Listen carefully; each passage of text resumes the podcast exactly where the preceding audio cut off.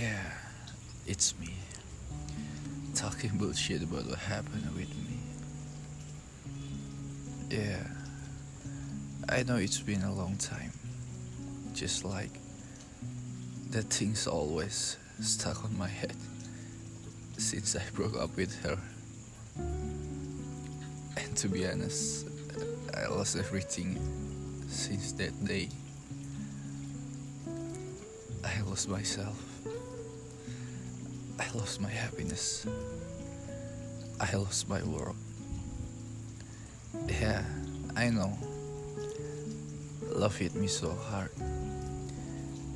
And I know that missing is just part moving on. But sometimes I miss somebody that I love so much in that time. And I'm not gonna lie about it. Till I realize I ruined everything. And I feel so regret right now. And I just wanna say sorry. I didn't I didn't know what I supposed to do right now. I didn't know where I'm going right now. Yeah, maybe this is my last time I say goodbye.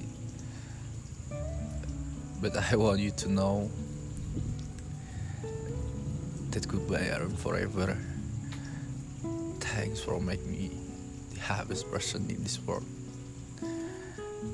I'm gonna say that I love you, but I ain't gonna say that I love you.